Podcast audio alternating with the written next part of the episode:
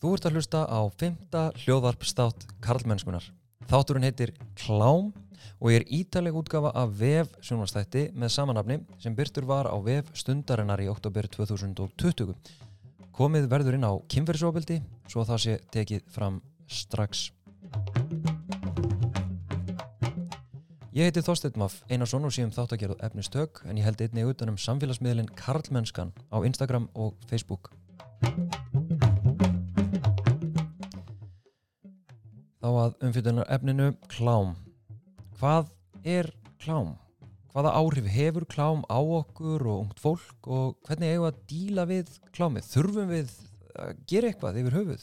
Er þetta ekki bara hluti af lífunu eða er þetta einhver alvesti áhrifavaldur á samfélagið okkar og, og ungt fólk? Til þess að ræða þetta hef ég fengið til mér nokkra sérfræðinga sem að koma þó uh, úr nokkuð ólíkum áttum. Fyrsti viðmælindin sem að ég kynni og ég ætla að kynna þau sjálf af því að já, ég bara hennilega að fá þau öll til að kynna sig almennilega þannig að ég eh, kynni þau bara.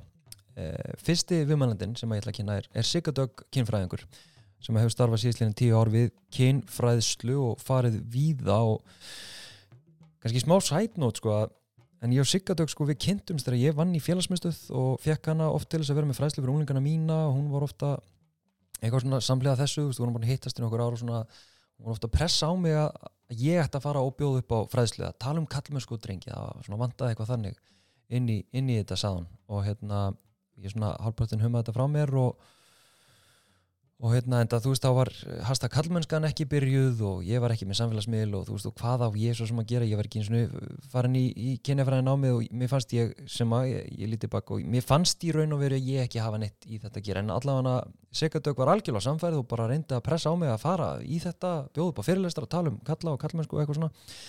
Uh, og í rauninni bókar mig uh, í fyrsta giggi mitt í mentaskólinni Kópavogi uh, hjá Marju Hjálmtís sem er í dag bara ágætsífingunum mín þannig að hún samfærir bara Marju um að hún er að bóka mig með fræslu og það gerur hún. Og ég sem sagt fer þarna inn í MK með fyrsta fyrirlesturum minn um, e, já í mars 2018 og það er aldrei fyndið tilvíðin að að daginn eftir þá skrifa ég hann status sem að Uh, kemur hasta kallmennskan af stað sem að síðan verður að þessum miðli sem að ég vinn við í dag, uh, kallmennskan já, þetta var smá sætnót en allavega Siggadögg hefur starfað lengi við kynfræslu og, hérna, og talaði um kynlíf og uh, við já, alls konar fólki út bækur og er svona einn af okkar helstu sérfræðingum og stæðstunöfnum í þessum bransa. Aðrir viðmælendur ég lofa að fara ekki svona mikið í sætnóta á, á þeim líka. Um, er Þórður Kristinsson doktorsnemi á mentavistasvið Háskóla Íslands og kennari í Kvennó. Hann er einn af þessum fáu köllum sem að hafa lengi verið í feministka bransanum.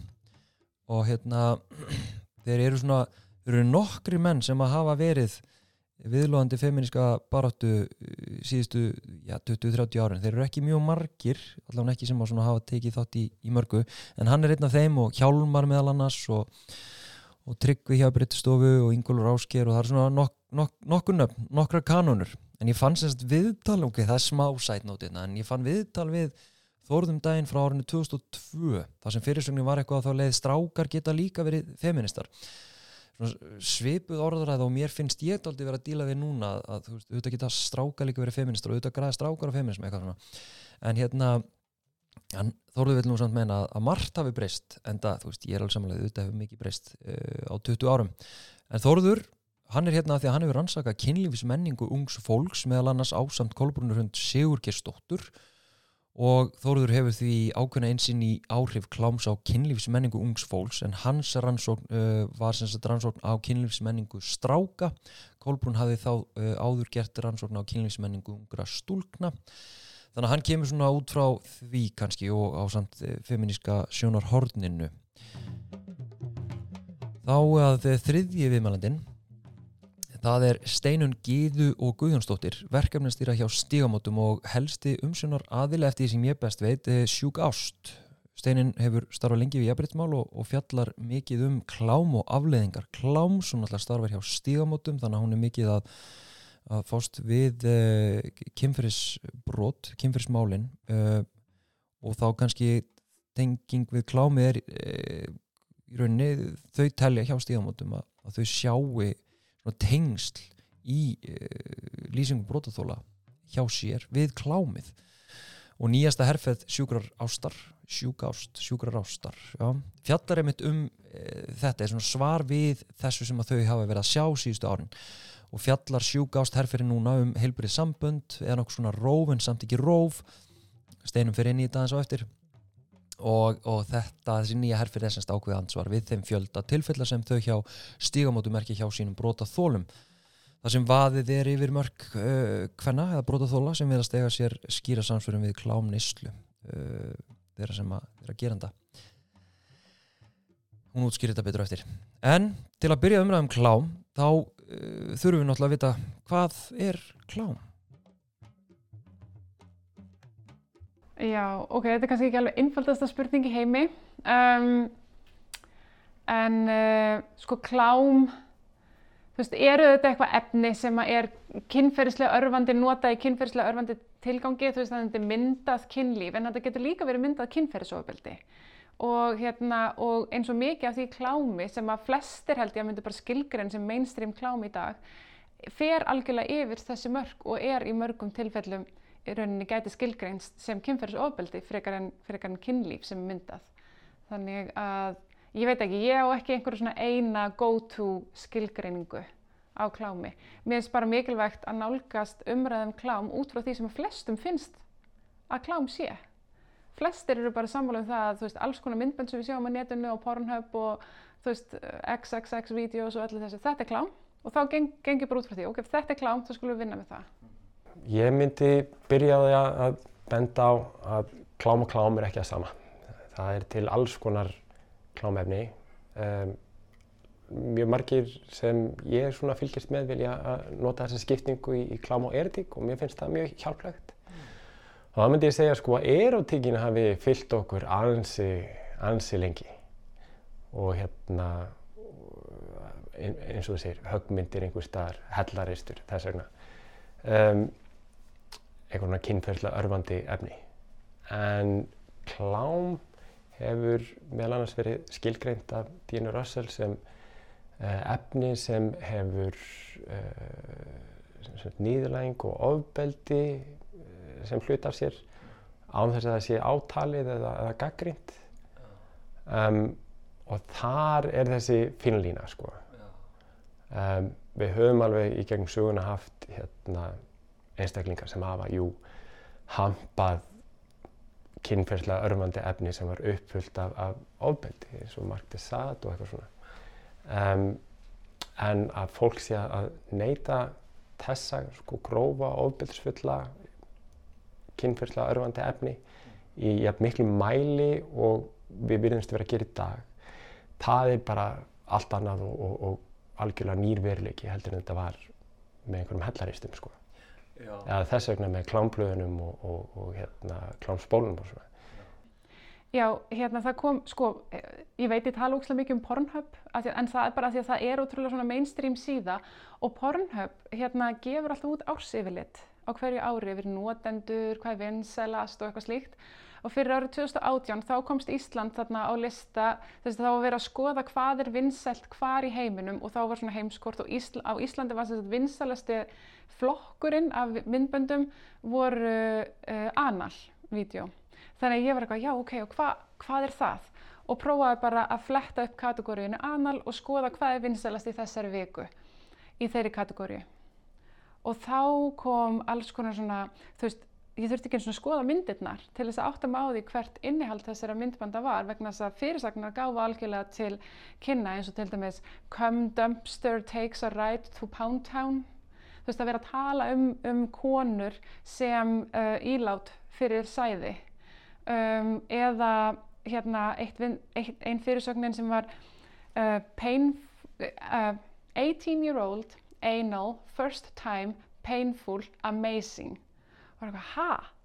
Byrju, 18 ára, hafa endaþarmsmög í fyrsta skipti, það er amazing samkvæmt lýsingunni en það er líka painful og þetta sá maður bara svona gegnum gammalt aftur og aftur í tittlunum að það er verið að skella saman því að eitthvað sé dásamlegt og að það sé sársökafullt. Og það, eh, þá hefur maður svolítið áhyggjur af því hvað segir það sérstaklega ungum notendum kláms um kynlíf. Þa, það segir mann einhvern veginn það að það sé dásamlegt að upplifa sársöka í kynlíf og það sé jafnvel eftirsóknarvert. Og ég held að kannski svona megin þorri fólks myndi ekki líta svo á en það er samt verið að leggja inn þessar hugmyndir stanslust um að konur njóti þess að láta meiða sig. Ok, sko, ef við bökkum bara aðeins frá klámi og hvað það gildislega og hvað það er, Við erum spennt yfir nögtum líkom, það er svolítið innbyggt í okkur, við erum misspennt fyrir því sem lítil börn og sérð hvernig börn horfa fórölda sína eða önnur börn, þau eru að rýna og þau eru að skoða, kinnfærin vekja lukku. Og í dag er nektin náttúrulega gífurlega falin. Við vorum öðruvísi þegar það var meiri nekt, við vorum í nánara sambili, við vorum á sveitabænum, allt þetta, þetta var öðruvísi. Og það er þekkt alltaf í sögun okkar að læðast og kíkja og sjá fólk snækja og það er þessi forvitni um um bara hér nakta líkama því að svo eftir sem við eldumst þá fyrir við ofta að tengja þetta nakta sjónræna áreiti við ákveðna kendir, það kveiknar eitthvað hjá okkur.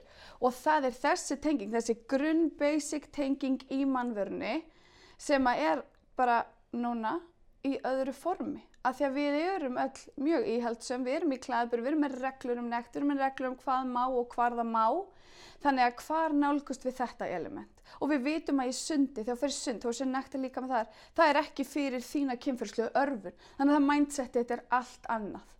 Þannig að við erum búin svolítið flokka hugsunna okkur á holvaskiptana og þar byggjum við, byggjum við til þetta hérna, þessi sjónræna örfun, þessi nekt þýðir kynlíf. Og það settum við í formið klám. Sko ég held eiginlega að klám er ógæðslega stort ormi og ég líki svo ógæðslega oft við orði matur.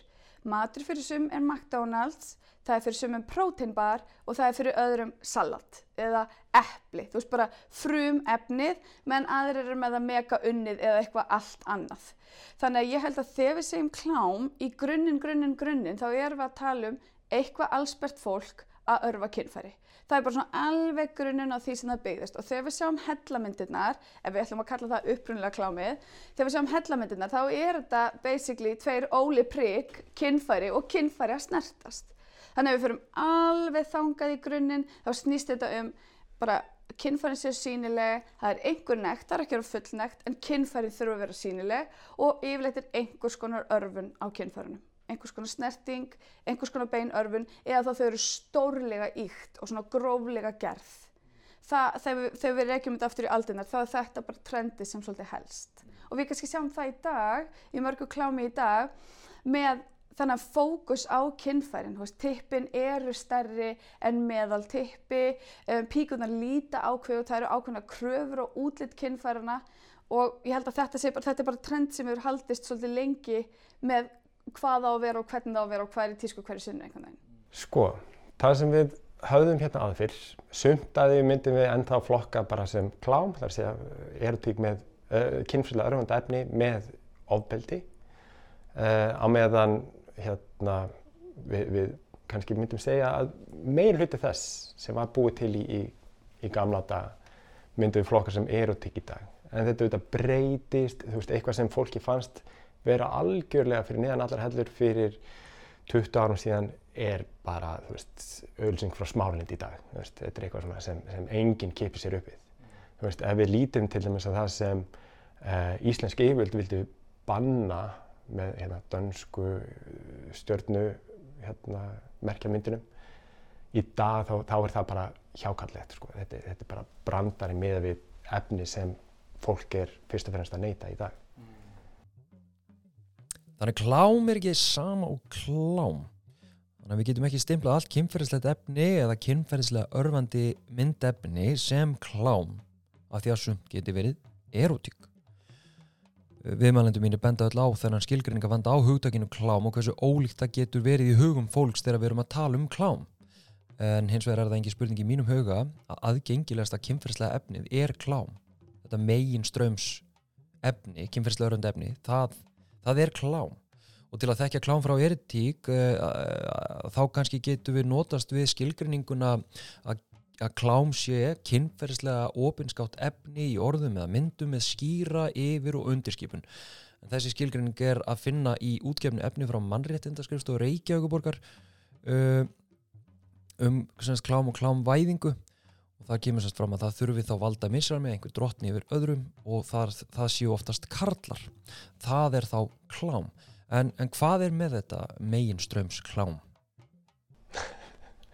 Alltaf, hérna, sko, uh, svo síða sem kemur fyrst upp í leitarvélunum uh, Google og Yahoo og þessum hérna, algengustu, uh, hún hefur leiðindur ámælum núna senustu mánuði fyrir það að þar getur hver sem er posta hverju sem er og fengi sem sagt greitt fyrir.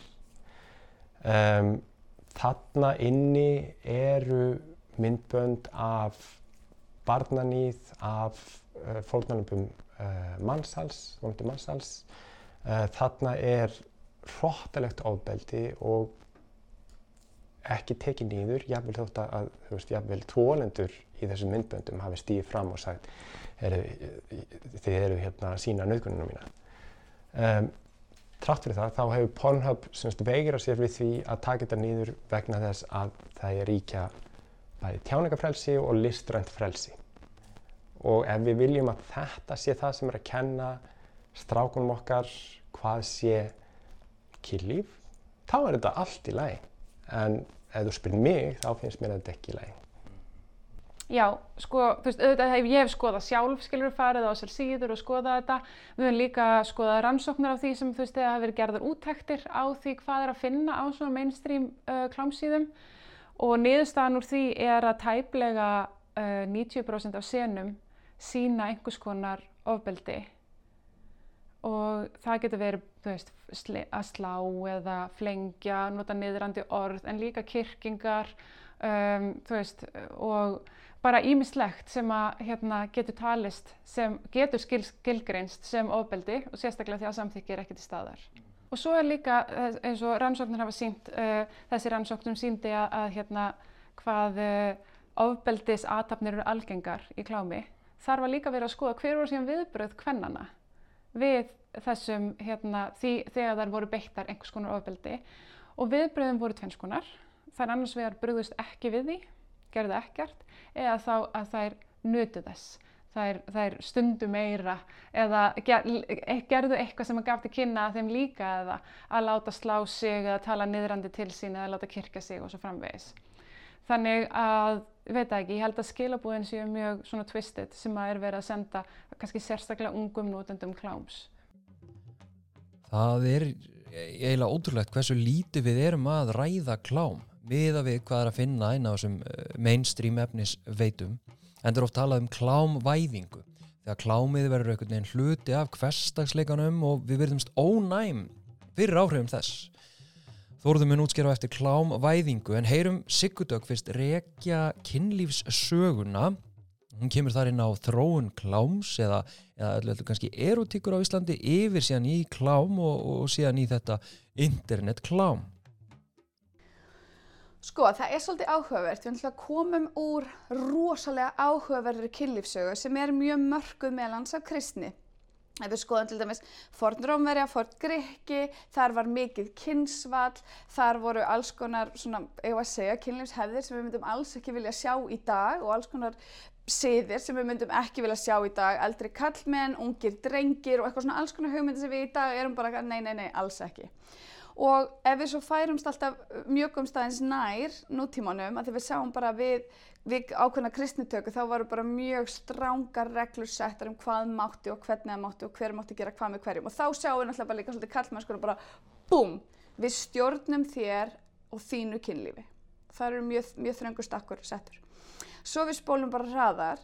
Um, ég meina þegar ég lítil ég fætti 82, þegar ég er lítil þá eru til dæmis ljósbláar myndir sem ég eiginlega kalla bara klámyndir voru síndar í sjónvarpinu á kvöldin skiljur mig og stundum í endursýningum um helgar. Ég man eftir mómenti á ömmu afa þar sem þau bara flegðu sér á sjónvarpi því ég bara hvað er að gera þarna, bara hér skiluru það voru rauðu símalínunar það var svo ringt, annarkoð spjallega mannski á klæmst eða hlusta á sögur. Það var blikt og blátt með minna mannlíf hafi líka svolítið verið með nektina.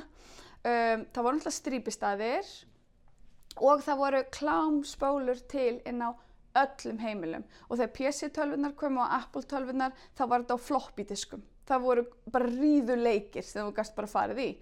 Þannig að veist, þetta við eldum tæknina, skiljur, tæknin kemur og við svona bara eitthvað, ok, hvað er nýtt, ég vil þessa örfin, ég vil skoða þetta, hvað kveikir í mér og hvernig, einhvern veginn. Og svo erum við komin í dag, í nútíman, við erum með klám á netinu, en við erum ekki með þessa símalínur, við erum ekki með þessi blöð, uh, það er ekki klámsbólur til heima hjá fólk og fólk er ekki að taka þetta upp upp úr sjómarpinu. Þetta er í rauninni algjörlega prívat, bundið við cirka bátt tvær stóra streymisveitur af klámi. Og það er bara mjög áhugast að greina það. Þannig við fórum úr, veist eins og hérna á Íslandi svona cirka 2000 þá er til tölfræðum það að við höfum verið með flestar kynlífstækja veslanir per capita í heiminum og að þú mannst bara eftir miðbænum þá eru rosalega margar kynlífstækja veslanir en þá var kynlíf samt aðeins meira tabú en samt töluðu við öðru í sunda það var meiri nekt í tímarítanum okkar það voru strípistaðir, það var einhvern veginn önnur umræða. Svo í dag færri veslanir með einhvern veginn aðrar áherslur, samt er viðteknar að eiga græjur og þegar maður rínir í þetta þá er rosa margt mótsagnakent og maður þarf rosa mikið að staldra við og bara ok, byttu byttu, hvað er ég reyna að skilja og hvað spurningar er ég reyna að spyrja og hvað svör, svörum er ég að leita sko. Þannig að þetta er aldrei bara eitthvað eitt, þetta er aldrei gott eða slæmt, þetta er alltaf hvað nákvæmlega erum við að tala um. Það var náttúrulega mikil og sterk hvernrættuðu bara þetta í kringum það, til dæmis að taka út strípistæðana og að setja hérna ákveðin mörg og ákveðin grunn en, sem ég skil en að sama tíma er rosa áhört að fylgjast með íslensku tímaréttaflóru bara og ég hvitt fólk til að fara bara nefnir borgarbókasafn, lænla sér í tímaritt frá áranum kannski ég var að segja 92 til jafnvel 2002 og skoða þau. Það voru tísku þættir það sem að voru bara brjóst og nekt og alls konar. Þetta er farið í dag. Þannig að það er líka áhugavert held ég með þessari fækkun og ákvönu svona pælingum hvernig við skilgreyndum frelsi konunar í hvað hún má og hvað hún á. Þannig ég held að við svolítið, konur, erum svolítið í mótun með þetta. Hver er ég, hver vil ég vera, að því við erum enþá að díla við þetta. Ef ég síni of mikið, er ég að gera það fyrir einhvern annan? Er ég að gera það fyrir mig, er ég að senda skilabóð er ég ekki að senda skilabóð, hvað skilabóð er ég að senda. Og við erum svo nýbúin að brjóta þetta mót með MeToo og öllu þessu að við erum á bara svona, jörðin er bara ennþá pínu opinn og það er bara ennþá að koma bara svolítið gós upp úr og við vitum ekki í hvað áttastreymir eða hvert það fer að því að við fórum alltaf inn í Free the Nipple sem var bara eitthvað svona, ha, veitu, í fyrsta lagi þurfti það og í annan stað hvað þýðir það? Og það er ekki bóði allstaðar og má ég velja það fyrir mig, þú veist, þetta er bara hugmyndafræðin, við ákomum bara að rýfa allt í sundur og sista upp í öllu, að að þegar þetta var fyrir 20 árum þá var þetta bara svona. Þetta er bara svona. Þú spurður eitthvað spurninga, þú veist ekkert eitthvað, eittu að loka þessum símalínum. Það er bara, það eru til símalínur, fólk vil ringja, það er þeirra engamál. Svo alltaf í dag erum við að spurja öllu, en akkurju? Og hvað getur það þýtt? Og hvernig líður fólki með það? Við erum bara að opna samtal sem er bara búið að vera í þöggun í margar, margar, margar aldir. Og þá pínu, þetta er bara Matrixin. Við sjáum Matrixin og við erum bara, og hvað ætlum við að gera? Nú veitum við á Matrixinu. Og hvað? Já, og hvað? Við erum mögulega komin á þann stað loksins að vera tilbúin til að horfast í augu við alla kema á okkar samfélags, brjóta múra og rjúfa tabu og ræðum kynlíf og klám og, og alls konar hluti sem við höfum mögulega ekki geta átt samtal um. Já, eins og til dæmis bara kallmennsku. En núna segja rannsóknur okkur að já, samanburður uh, á klám áhorfi meðal annars á Norrlundunum að, að íslenskir unglingstrákar í Norðurlandamett í klám áhorfi hvers vegna ætli það sé? Ég er bara ekkert samála þegar tölfræði sko. Uh, ég er, sagt, er stundakennari upp í háskólanum í Reykjavík og ég er ofta leiðbyrna nefnendum í lokaverkjumna þeirra.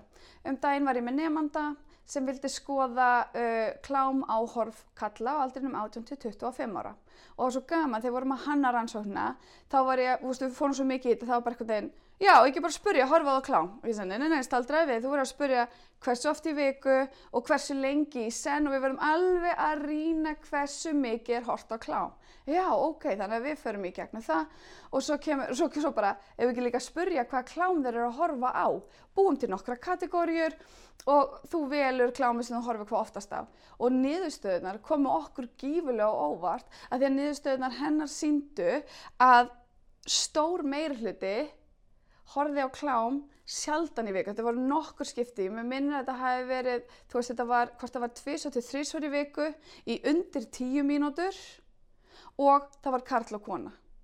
Þannig að þegar við skoðum klámaransóknir, þá skulum við aðeins staldra við, skoða allt aðferðufræðina og bara, ok, hverju var nákvæmlega spurt, voru þeir spurðir hvað finnst þér mikið eða var það algjörlega aðgerðabundið og þegar við erum að segja að fólk er að horfa á klám, vitum við nákvæmlega hvað fólk er að horfa á. Ég held aldrei að ég myndi sjá gaggina kallmenn 1825 svara ég er að horfa á karl-konu. Ég er bara, nei, tvær konur verða alltaf on top. Ég var með það á heilanum, sko. Svo kem, kemur þessi neðista. Við bara, ok. Þú veist og þannig að það er svo gott að leifa okkur stígin í rannsóknar og vísindin og fara bara lengra og lengra og lengra þannig að við nákvæmlega sem tala um sama hlutin. Af því að eins og við erum að tala um mat, við getum ekki borðið það saman, við getum ekki borðið saman smjör og smjörlíki því það er uppistæðan, er sikkur. Þannig að ef við erum að að skilja eitthvað, þá verðum við að leifa okkur að fara alveg onni það. Höldum að þess áfram að fara ofan í íslenska rannsóknir á klámi eða kynlífsmenningu. Þóruður gerði rannsókn á kynlífsmenningu ungra karla þar sem klám kom að einhverju leiti við sögu. Vi, við gerðum sem rannsók saman, ég og Kolbrun Hrönd, um, þar sem hún var búin að skoða kynlífsmenningu ungra kvenna hérna á Íslandi og síðan gerðum við saman kynlífsmenning ungra karla. Við vorum auðvitað að spyrjum ýmislegt annað heldur en bara klám. Megin niðurstöðunar eru að þeir upplifðu allir og líka sem stelpunar mikið þýsting á að stunda kynlíf. Einhver staðar þarna í, á grunnskólaaldrinum 13, 14, 15, 16 þá byrjar þetta. Og síðan þegar þú byrjaður í mentaskóla þá er virkilega komið þrýstingur. Og ef þú ert ekki veist, búin að, að gera það að þú byrjar í, í öðrum bekk þá er fólk bara að byrja að hafa verulegar ágræðir um, og margir af þeim uh, viðmælandum okkar tölum það að þeir svona luku við þetta gáttu tjekkað í, hakað í bóksið og gáttu sagt vinnum og, og vinkunum frá þessu og síðan voru þeir ekkert að, að stunda kynlíf bara í marga mánuði eða nokkur ár næst. Það er bara ég er búin að þessu, ég er búin að sanna mig og þá, þá er ekki lengur þessi þrýstingur en það veist, nutu ekkert kynlífin sem það voru í rauninu bara að haka við. Þeir sem við tölum um töluðu um að fyrsta skiptið hefði ekki verið neitt sérstakt. Um, það var svona gegnum gangandi. Uh, við höfum aðra rannsóknir erlendist frá það sem niðurstöðnir eru svona svipar að, að fólk er svona að drífa þetta af. Uh, fólk er, að ungir, ungt fólk er að nota hérna, áfengi til þess að svona geta svona einhvern veginn drukkið sig frá því að, að vera óstressað og svo framvegs um, og það er þetta leiðið til þess að, að kynlífið er ekki neitt, neitt sérstakt fyrir einn eða neitt um, en síðan eru þetta sögur um það að hérna, fólk hafi virkilega notið þess jú, að stunda kynlífið fyrsta skipti þrátt fyrir allt. Nú spurði ég um daginn á Instagram hvort fylgjendur mínur hefðu reynslu eða skoðun á klámi mjög ofinn spurning en ég hafði nýverið sett inn þá post um klám og svona aðeins að dreipa á þessu umræðefni og ég fekk sko óhugnarlega marga frásagnir frá konum sem lístu ömurleiri reynslu af kynlífið að það sem að þær ætluðu sér að vera kynlíf en, en var í rauninni af lýsingum hann að dæma ekkit annað heldur en bara ógeðslegt óbeldi og niðurlæðingar. Þannig að marga konur lístu því að, að, merkja áhrif kláms á sína rekju nauta já eða í rauninni bara ábyrgsmenn en hvað segja sérfræðingarnir? Hefur klám bein áhrif á fólk og hegðun þess í kynlífi? Sko áhrif kláms á ungt fólk hefur aðalega með að gera hver svona hugmyndabankin þeirra er uh, hvað sé gott, rétt og æskileg hegðun þegar kemur að kynlífi um, og í, í klámi þá er oft mjög brenglaðar hugmyndir. Uh, ég, ég hef allavega ekki séð neinstadar klám það sem er komið inn á samtöki. Um, það er aldrei stoppað í klámi og spurt, já, er það að fíla þetta? Hvernig líst þér að við prófum þetta? Veist, þessi umræða fer hverkið fram. Um, og það er kannski okkur þetta, okkur vantar mótvæð. Við erum ekki með þessa góðu kynfræðslu sem við þyrtum að hafa sem gefur okkur hína hlýðina. Veist, eh, krakkar sem eru forvittnir um klám, eh, forvittnir um kynlíf, fara á netið, finna það klám sem er þar og það fyrsta sem poppar upp er því miður bara mjög gróft og, og í mörgum tilvíkum mjög ofbildisvöld og síðan sem þetta, þegar þessir einstaklingar byrja að stunda klám, þá hefur það þessi áhrif. Að samaskapi þá getur þetta líka haft þau áhrif að, og nú höfum við bara dæmi um stráka og rannsóknir bæði erlendis og, og eh, rannsóknir kærlendis sem svona styðja þetta, að þeir eigi í vandrað með að bara halda reist ef þeir fá ekki jafn gróft kynferðslega örmandi efni eins og þeir eru að sjá í kláminu. Þeir eru búin að vennja sig við að þetta form af kynferðslega örfund efni, að það sé það sem, sem kveiki í þið. Um, já, ég hugsa sko að klám sé kannski einhver yktasta útgáfa af kynhlutverkunum. Þú veist, við þekkjum öll þessi kynhlutverk bara úr, úr hérna, tónlistamindböndum og ég mann skilur þú veist fyrir 20 árum þegar ég var eitthvað að tjá mig um tónlistamindbönd þar sem alla stelpunum voru bikini og strákarnir voru allir í dúnúlpum og maður eitthvað veltaði fyrir hvort það verið sikkuru loftslæginu við upptökur á myndböndunum. Um, veist, þannig að það er þessi hlutgerfing kvenlíkamanns, það er þessi þetta þú veist strákarnir sitja og býða bara eftir dömunum og það er koma í röðum og allt þetta. Svo í kláminu þar er við bara komið með þetta einhvern veginn í ennþá yktæri útgáfu þar sem að, konurnar eru viðfeng fyrir kallana til að leika sér að og þær eru kallaðar einmitt ílát eða um, þú veist einhvers konar hérna bara leikfeng, dúkur og svo framvegis, bara beinlínis talað um þær sem slíkar og þær eru þarna til að þóknast körlunum og, og þeirra kynferðislega löngunum.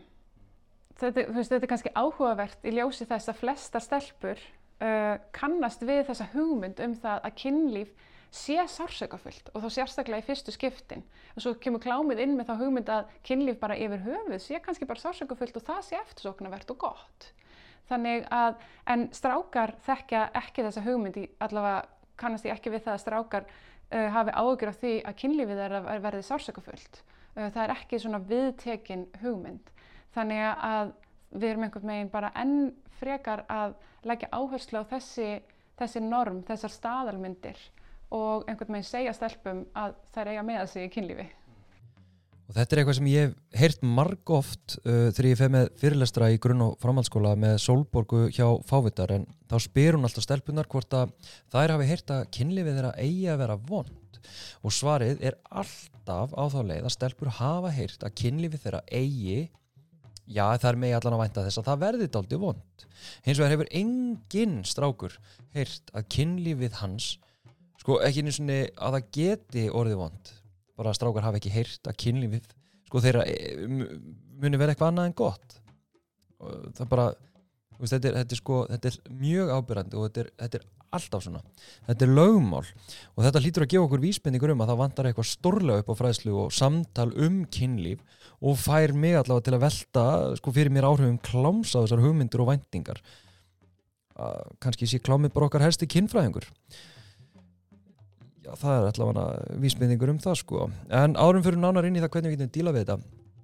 Heyrum Þórulóksins útskýra klámvæðinguna klámvæðing eða pornification er þetta hugtæk hvernig klám, orðfær klámsins, myndmál klámsins og svo framvegs hefur eh, svona smygt sér inn í bara okkar dagstaglega líf án þess að þykji neitt sérstak tiltökumál. Þetta er, einbyrtingamind er líka þetta að við erum með gríðilega mikið aðgengi að klámi og fólk er svona hægt að kipra sér upp við það að hérna að einhver verið uppvísað að klám áorfi og svo framvegs. Þetta þykir bara óskup eðlilegur hlut að því að vera til. Um, nú veit ég ekki hvernig það er lengur en það voru ákveðin hérna, nefndafélög til dæmis við Háskóla Ísland sem skipulögðu ferðir á, á nektardansstæði eða leiðu sér strippara um, og það, þetta þótti bara tilvalin skemmtun fyrir háskólanemyndur. Uh, annað dæmi er svona tvíraðar auglýsingar sem við sáum á bara auglýsingaskiltum, strætóskílum út um allan bæ, nögtum líkomum og einhver svona texti, komdu inn núna og eitthvað svona.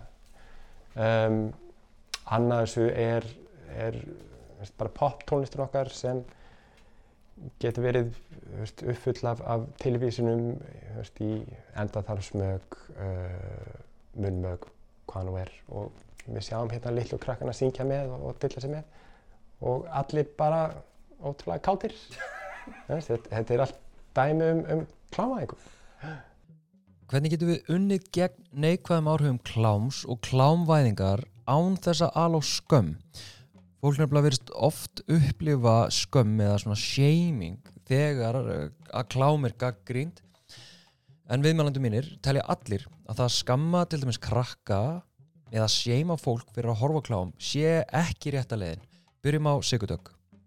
Ok, mér langar kannski í umræðinu um klám, bara svona aðgátt skal höfði nærveru sálar og að passa okkur að varpa ekki skömm, passa okkur að fara ekki langt í ef þú horfir þá gerist þetta og að sjá svolítið breytilegan í upplifun. Sumur eru forveitnir, sumum finnst þetta ógeðslegt, sumum finnst þetta spennandi og hvað þýðir það? Veist, án þess að verða eitthvað svona, þetta mun hafa langtíma áhrif á þig ef þú horfir. Það er ekki það sem við erum að tala um. Ef við erum að tala um einhvers konar áhrif, þá erum við að tala um allt annað. Við erum ekki að tala um, herri, ég lappaði fram hjá manni sem veipaði framann í mig og núna er ég orðin nikotínfíkil. Þannig að við erum rosa mikið að passa okkur hvað við erum að tala um, hvernig við erum að tala um það, að við viljum ekki að þú sitir uppi með skömm fyrir að hafa örfast yfir að hafa horta á eitthvað eða þú lærðir eitthvað um sjálfan því, þú bara stelp og þú sást aðra stelpu, þær voru í sleik og það var eitthvað að gerast og það kviknaði eitthvað innræð með þér og þú fórst að hugsa, vá, er ég fyrir stelpur, má ég það? Þannig að fyrir svo marg og mikið af fólki og mikið af unlingum er þetta þeirra fyrstu skref í að uppgöta og reyna að skilja sig sem kynverur og þegar við veitum þeim ramman um hvað þetta er, hvað þetta er ekki, erum gaggrina og erum með díológin að þá náum við þeim miklu lengra og þá er enginn hvati til að herma eftir þessu eða sækja mjög markvist í þetta að þau skilja hvað þetta er. En á meðan við liggjum í þögninu og allum ekki að gefa þeim neyn svör, neyn tækifæri til umræðu hvað eiga þau þá að gera? Nei, ég bara skil mjög vel að, að hérna, allir krakkar hafi áhuga og kynlífi þegar þeir eru komin ákveðin aldur. Veist, þetta er bara hlutaði að, að verða kynþróska. Um, ég held samt að við séum eigum ekki að fara í þessa hérna, átt að skamma strákana fyrir að, að leita að þessu og, og skoða það sem finna. Það sem við eigum að skammast yfir er hvað við höfum brúðist hrikalega illa við bara sem samfélag að bjóða upp á almeinlega kynfræðslu ef þetta er það sem þeir hérna, fá sínar helstu upplýsingar frá og síðan þetta að, að þeir sem er að veita þetta, þetta efni að þeir fái bara að gera það og talið sama hvernig efnið er. Það sem er svolítið magna við það sem klám getur gert og aftur við erum að segja klám stóra stóra er að klám getur lift okkur allt í hennu að fara eins út fyrir líkamann okkar, út fyrir okkur sjálf, út fyrir allar okkar hugmyndir um okkur hver við erum og allt í hennu finnum við eitthvað kvikna innra með okkur og við förum kannski að mynda tengingar, byrju ok, ég finn mér hittnar, byrju það er eitthvað að gerast kannski í kinnfæranu mínum, byrju ég kannski að svitna, ég farin að hugsa eitthvað, mér finnst þetta æsandi, hvað þýðir það fyrir mér? Og margir þurfa svo mikið leifi til að snerta líkamann sinn, til að upplifa hann, til að njóta hans. Og fyrir mörgum er þetta bara svolítið stór mál, bara byrju, ég örfaðist, vá, ok, og hvað þýðir það? Og þegar við stígum inn í og erum bara, það þýðir ekki að þið langi að prófa þetta, það þýðir ekki að þú ert trefin af þessu fólki, það þýðir ekki að þú þurfir þetta alltaf, þegar við bara veitum því ramman, þá slakar fólk á og bara, þetta er svona tækifæri líka til að læra hann og líka mann sinn þegar að það er oft svo ofbóðslega heft og lokað að því að fóreldrarnir ræði ekki við þig um hvað gerist þegar maður kynferðslega örfast, hvernig bregst líka með við, hvað, hvernig má, hvað má maður gera og hvernig eða allt þetta. Þannig að þetta er þitt fyrsta innrúm sem, þú kannski svona, wow, ok, hérna er nýju upplifin fyrir mér og sérstaklega fyrir marga minnuhlutahópa er þetta svakalega frelsandi að þú serði þetta hvergi annars þær í öllum bíómyndum með strákur að kissa stelpu. hvar er allt hitt? Og ég er ekki að segja að þeir bara verið klámi, langt í frá, en á meðan það er bara þar, vá hvað er frelsand að sjá tvo stráka kissast, þau voru aldrei fengið að sjá það. Og tvo strákar strjúka hver öðrum, hvernig strjúka tveir strákar hver öðrum? Þó þetta sé ekki rammin okkar, þá ætlum við líka að útskýra það. Þetta er ekki rammin. En hvernig leiðir þau að horfir á það? Þarna kristallast svo litið þau andstæðu sjónamið sem að ég upplifa samtölu mínum við Sigurdögg og svo Þórður Steinunni en þau auðvitað gaggrina öll það að klám sé aðal uppspretta kynfræslu en meðan svo er, segir Sigurdögg að þá getur uh, klámið verið frelsandi og, og magnað en hitt andstæða sjónamiðin uh, sjónamið er, eru neikvæðu áhrifin sem klámi getur haft á hugmyndir fólks um kynlíf og síðan sjálft sig. Þannig að ég vil draga út úr þessu þessum samtölum mm, þá gaggrina kynfræðsla er ekki að svara kalli nútímans og, og bara engu kalli yfir höfuð kynfræðsla er eitthvað sem við verðumst ekki geta gert almennilega, mögulega því við erum svo íhaldsum og mikla tebrur að við hraðumst að tala um kynlíf, ég veit það ekki en það er allavega eitthvað sem er bara alls ekki að virka og líkillinn, sangant þeim öllum Þóriði Sigurdögg og Steinunni er almennileg kynfræðsla og kynjafræðsla því að fræðslan getur klálega komið í veg fyrir svo ofbóðslega mikinn skada eins og þau hjá stígamótum hafa meðal annars reynslu af. Sko á stígamótum þá náttúrulega þú veist það sem við gerum fyrst og fremst á stígamótum er að hitta brotaþóla sem hafa orðið fyrir kynferðisofbildi sem eru að segja okkur frá ofbildunum við erum að vinna í afleggingunum. Uh, okkur starfsfólkinu stígamótum okkur hefur fundist við sjá meira og meira af afleðingum kláms í þeim brotum sem að brotaþólar eru að koma með til okkar. Þeir eru að segja okkur frá uh, því þegar að vera að brunda í andlit eða vera að taka kirkingataki, vera að fara í ósamþygt endaþamsmög og svo framvegis. Og maður er einhvern veginn að sjá meira og meira af þessum að velti fyrir sér er þetta að koma úr kláminu. Þannig að okkur fannst mjög mikilvægt í herrferð fyrir ungmenni eins og sjúk ást er að tala um uh, mörg og samþykki og heilbyrðið sambönd en tengja líka við klámið og, og, hérna, og fá úlinga til þess að velta fyrir sér hvað þau eru að sjá þar og hvaða áhrif það getur mögulega haft á þau sjálf og hvaða áhrif það hafi á mörgin þeirra og, og hvaða kröfur þau gera til annara. Þannig að sagt, í nýjasta herrferðin okkar þá uh, fannst okkur mikilvægt að koma inn í rauninu með jákvægt mótvægi við kláminu. Mörg ungmenni eru að sækja í klám vegna sem þau vilja vita hluti um kynlíf og klámur okkur ótrúlega aðgengilegt. Það bara er í snjálfsímanum einu klikki í burtu og getur fengið alls konar upplýsingar um kynlíf en er þetta góður upplýsingar? Ekki finnst okkur það. Okkur finnst það eiginlega, skadlegar. Þannig að, hérna, þannig að okkur fannst mikilvægt að koma inn með, með einhverja jákvæðar upplýsingar um kynlíf. Uh, þess vegna útbyggum við í rauninni róf sem að sýnir sko kynlíf. Ég get samt ekki kalla þetta kynlífsróf vegna þess að þetta byrjar á því að sína hvað er, uh, hvernig heilbrygt og gott uh, kynlíf er.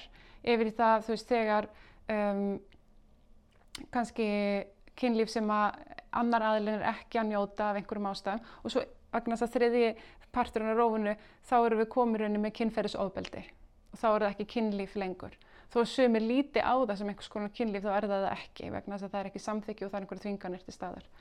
Þannig að við vorum bara í rauninni að lýsa því hva, hvað enginnir, uh, þú veist, það sem að geti talist gott kynlíf, þú veist, það er samþykki, það er virðing, það er að virða mörg, begja aðila, um, það er ánægja, þetta sé gert til þess að, að njóta, uh, mögulega nánd og svo framvegis þegar erum komin yfir á veist, það sem við erum kannski á gráasveðinu þá er það kannski það sem annar aðilinn er að taka þátt í einhverju kynlífi sem hann langar kannski ekki.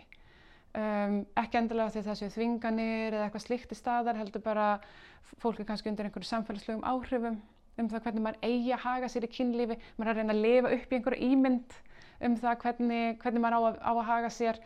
Um, maður upplifir það að maður eigi að stunda kynlíf til dæmis í sambandi jáfnveg þó hérna aðeins ég ekki að gera kröfur um það og svo framvegis. Þannig að maður er að misbjóða eigin mörgum með einhverjum hættum. Þannig að það er líka ótrúlega mikilvægt að þekkja og virða eigin mörg.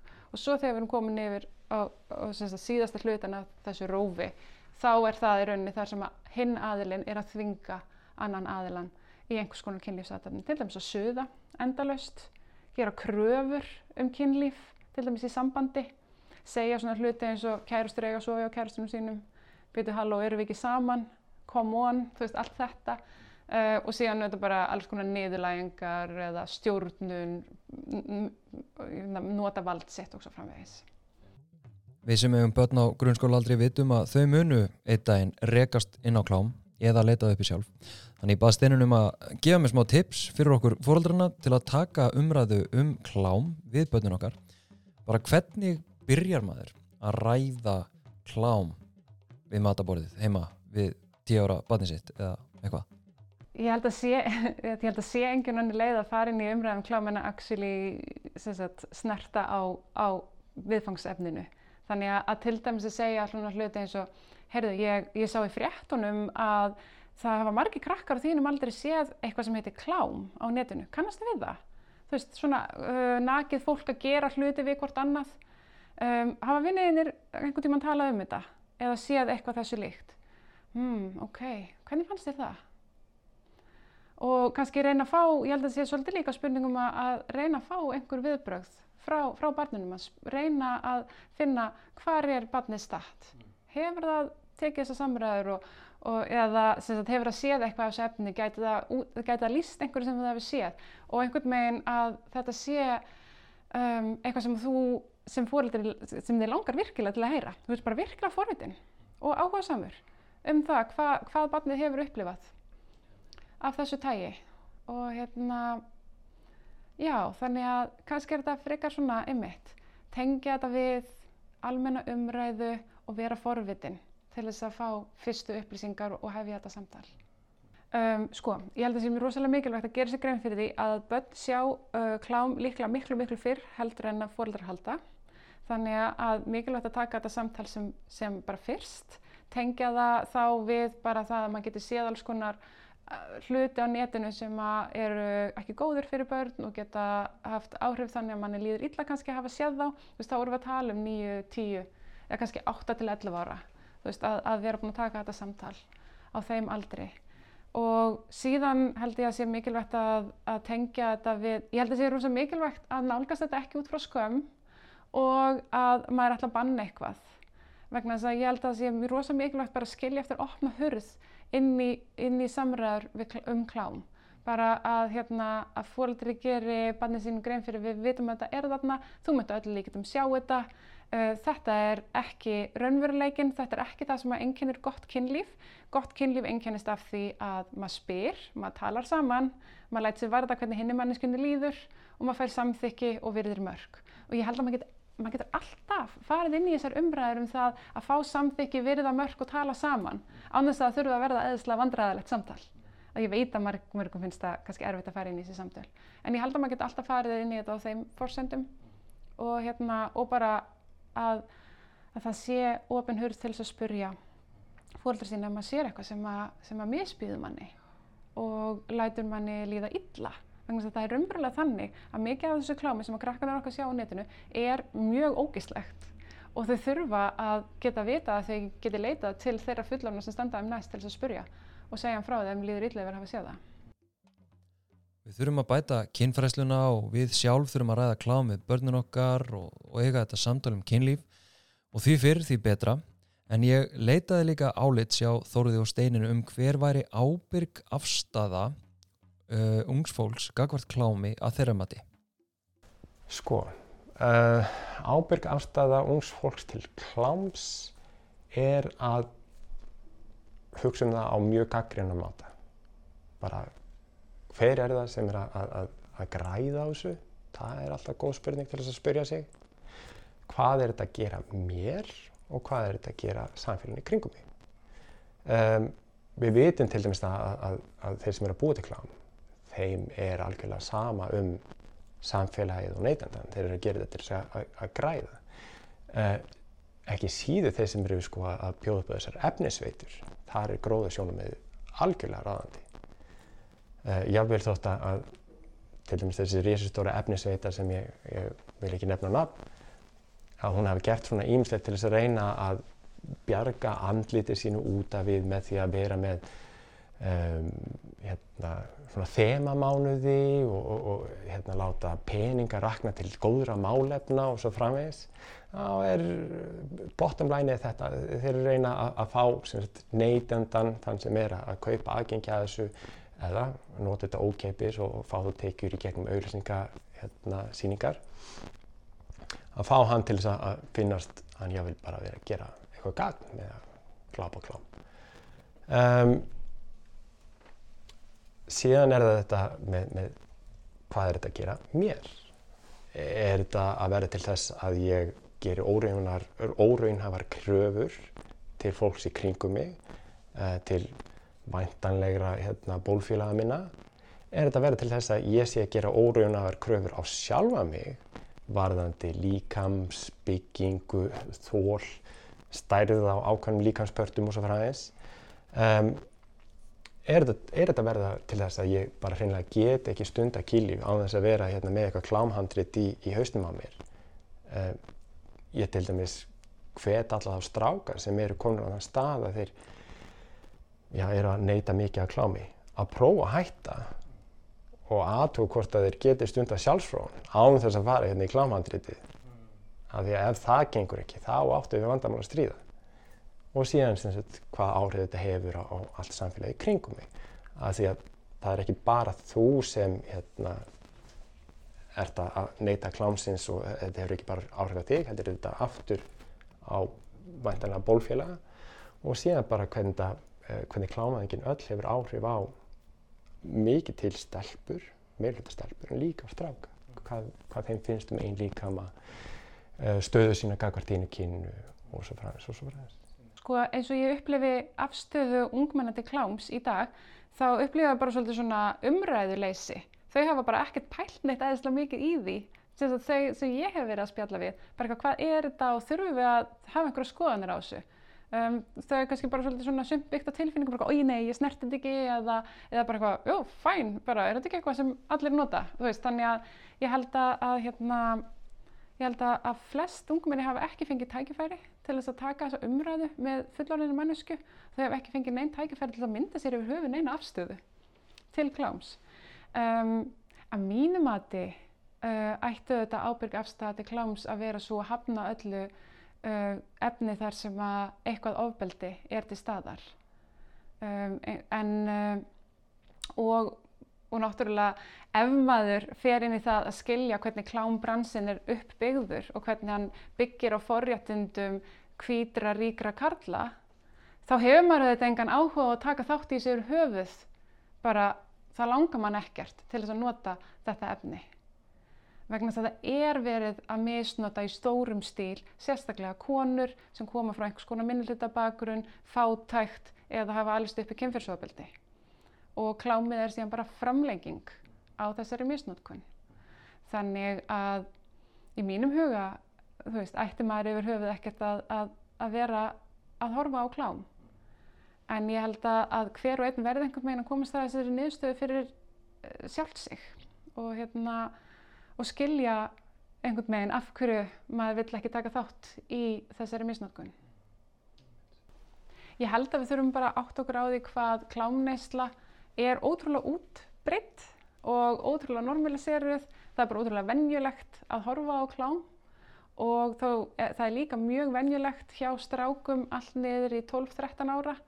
Þannig að ég held að við sem erum fullorðin þurfum að setja okkur inn í það hvað er í þessu, hvað er þetta sem þau eru að horfa á og hvaða áhrif og afleggingar getur þetta haft fyrir börn og úlinga sem eru bara ennþá með óþroskaða heila og hafa ekki þroska og getur til að skilja þetta efni sem hefur verið að leggja á borði fyrir þau og bjóða um einhvern veginn bara betri og hotlari samtölu um kynlíf í staðin. Ég ætla hérna að draga saman það sem viðmælendu mínir höfðu að segja um klám og kynlífsmenningu okkar. Kymferðislega örfandi myndefni hefur breyst og mögulega samhliða kynlífsmenning okkar á síðustu árum og áratugum frá klámblöðum og rauðum símalínum sem flokkamætti sem kannski erotík yfir í klámspólur og síðan í meginströms internet klám. Kynferðislega örfandi myndefni er augljóslega ekki eins í hugum allra og kom það í ljós í orðum viðmælanda minna. Sigga Dögg verðist flokka erotík einnig sem klám á meðan að þóruður til að gagleta aðgreina klám frá erotík og sennilega í því samingi til að sigga að klám, þá eða erotík, geti virka frelsandi, opna vittir og hugarheim sem annars er ekki síndur nýtt talað um. Því allir viðmælandi mínir voru sammála um að við erum feimin við að tala um klám, kynlíf og, og áhrif þess. Þrátt fyrir að klám sé svo útbreytt, algengt og aðgengilegt að það skila sér óátalið inn í menningun okkar sem að þóruðu lísti sem klám væðingu. Dökku hliðarnar á klámi og þá sennilega megin ströms internetklámi eru síðan að finna hjá brótaþólum kynferðis ofbeldis meðal annars hjá stígamótum. Það sem að kynlíf verður að kynferðis ofbeldi og þá ekki kynlíf heldur ofbeldi, jafnvel á þess að gerandi átti sig á því og þetta tilur steinun að megi skýra með því klámi sem er hvað úbreytast í dag og það kynferðislega örfandi myndefni sem ungir krakkar eiga hvað auðveldast með að rekast á eða finna á netun í dag. Og þótt fullorðið fólk ætti að geta skilið að klám endur spekla ekki endilega þar vendingar sem fólk hefur til kynlífs að þá er augljóst að klám hefur áhrif á kynlíf ekki bara ungs fólks heldur fullorðins fólks og lýsingar hvenna á vanverðingu, ofbeldu og niðurlægingum í innan gæðsalva hefðbundnum kynlífs aðtöfnum með körlum eru til vittnis um það. Þar sem kynlíf er á forsöndum karla og konur eru þar viðfang og til þess aðala að þóknast. Kunnulegt stef úr klámi og kunnulegt stef úr samfélagi sem litað er af feðraveldi. Ég tek undir orð viðmælanda minna um að við þurfum að ræða klám, skilgreina klám og ræða mögulegar afleiðingar þess að hugmyndir okkar um kynlíf og nöytt. Og lokum tek ég undir orð steinunar og endur tek. Við sem erum fullorðin þurfum að setja okkur inn í það hvað er í þessu, hvað er þetta sem þau, börnin, er að horfa á og hvaða áhrif og afleiðingar getur þetta haft fyrir börn og unglinga sem eru bara ennþá með óþróskaða heila og hafa ekki þróska og getu til að skilja þetta efni sem verið er að leggja á borðið fyrir þau og bjóða þeim betri og hotlari samtölum kynlíf í staðin.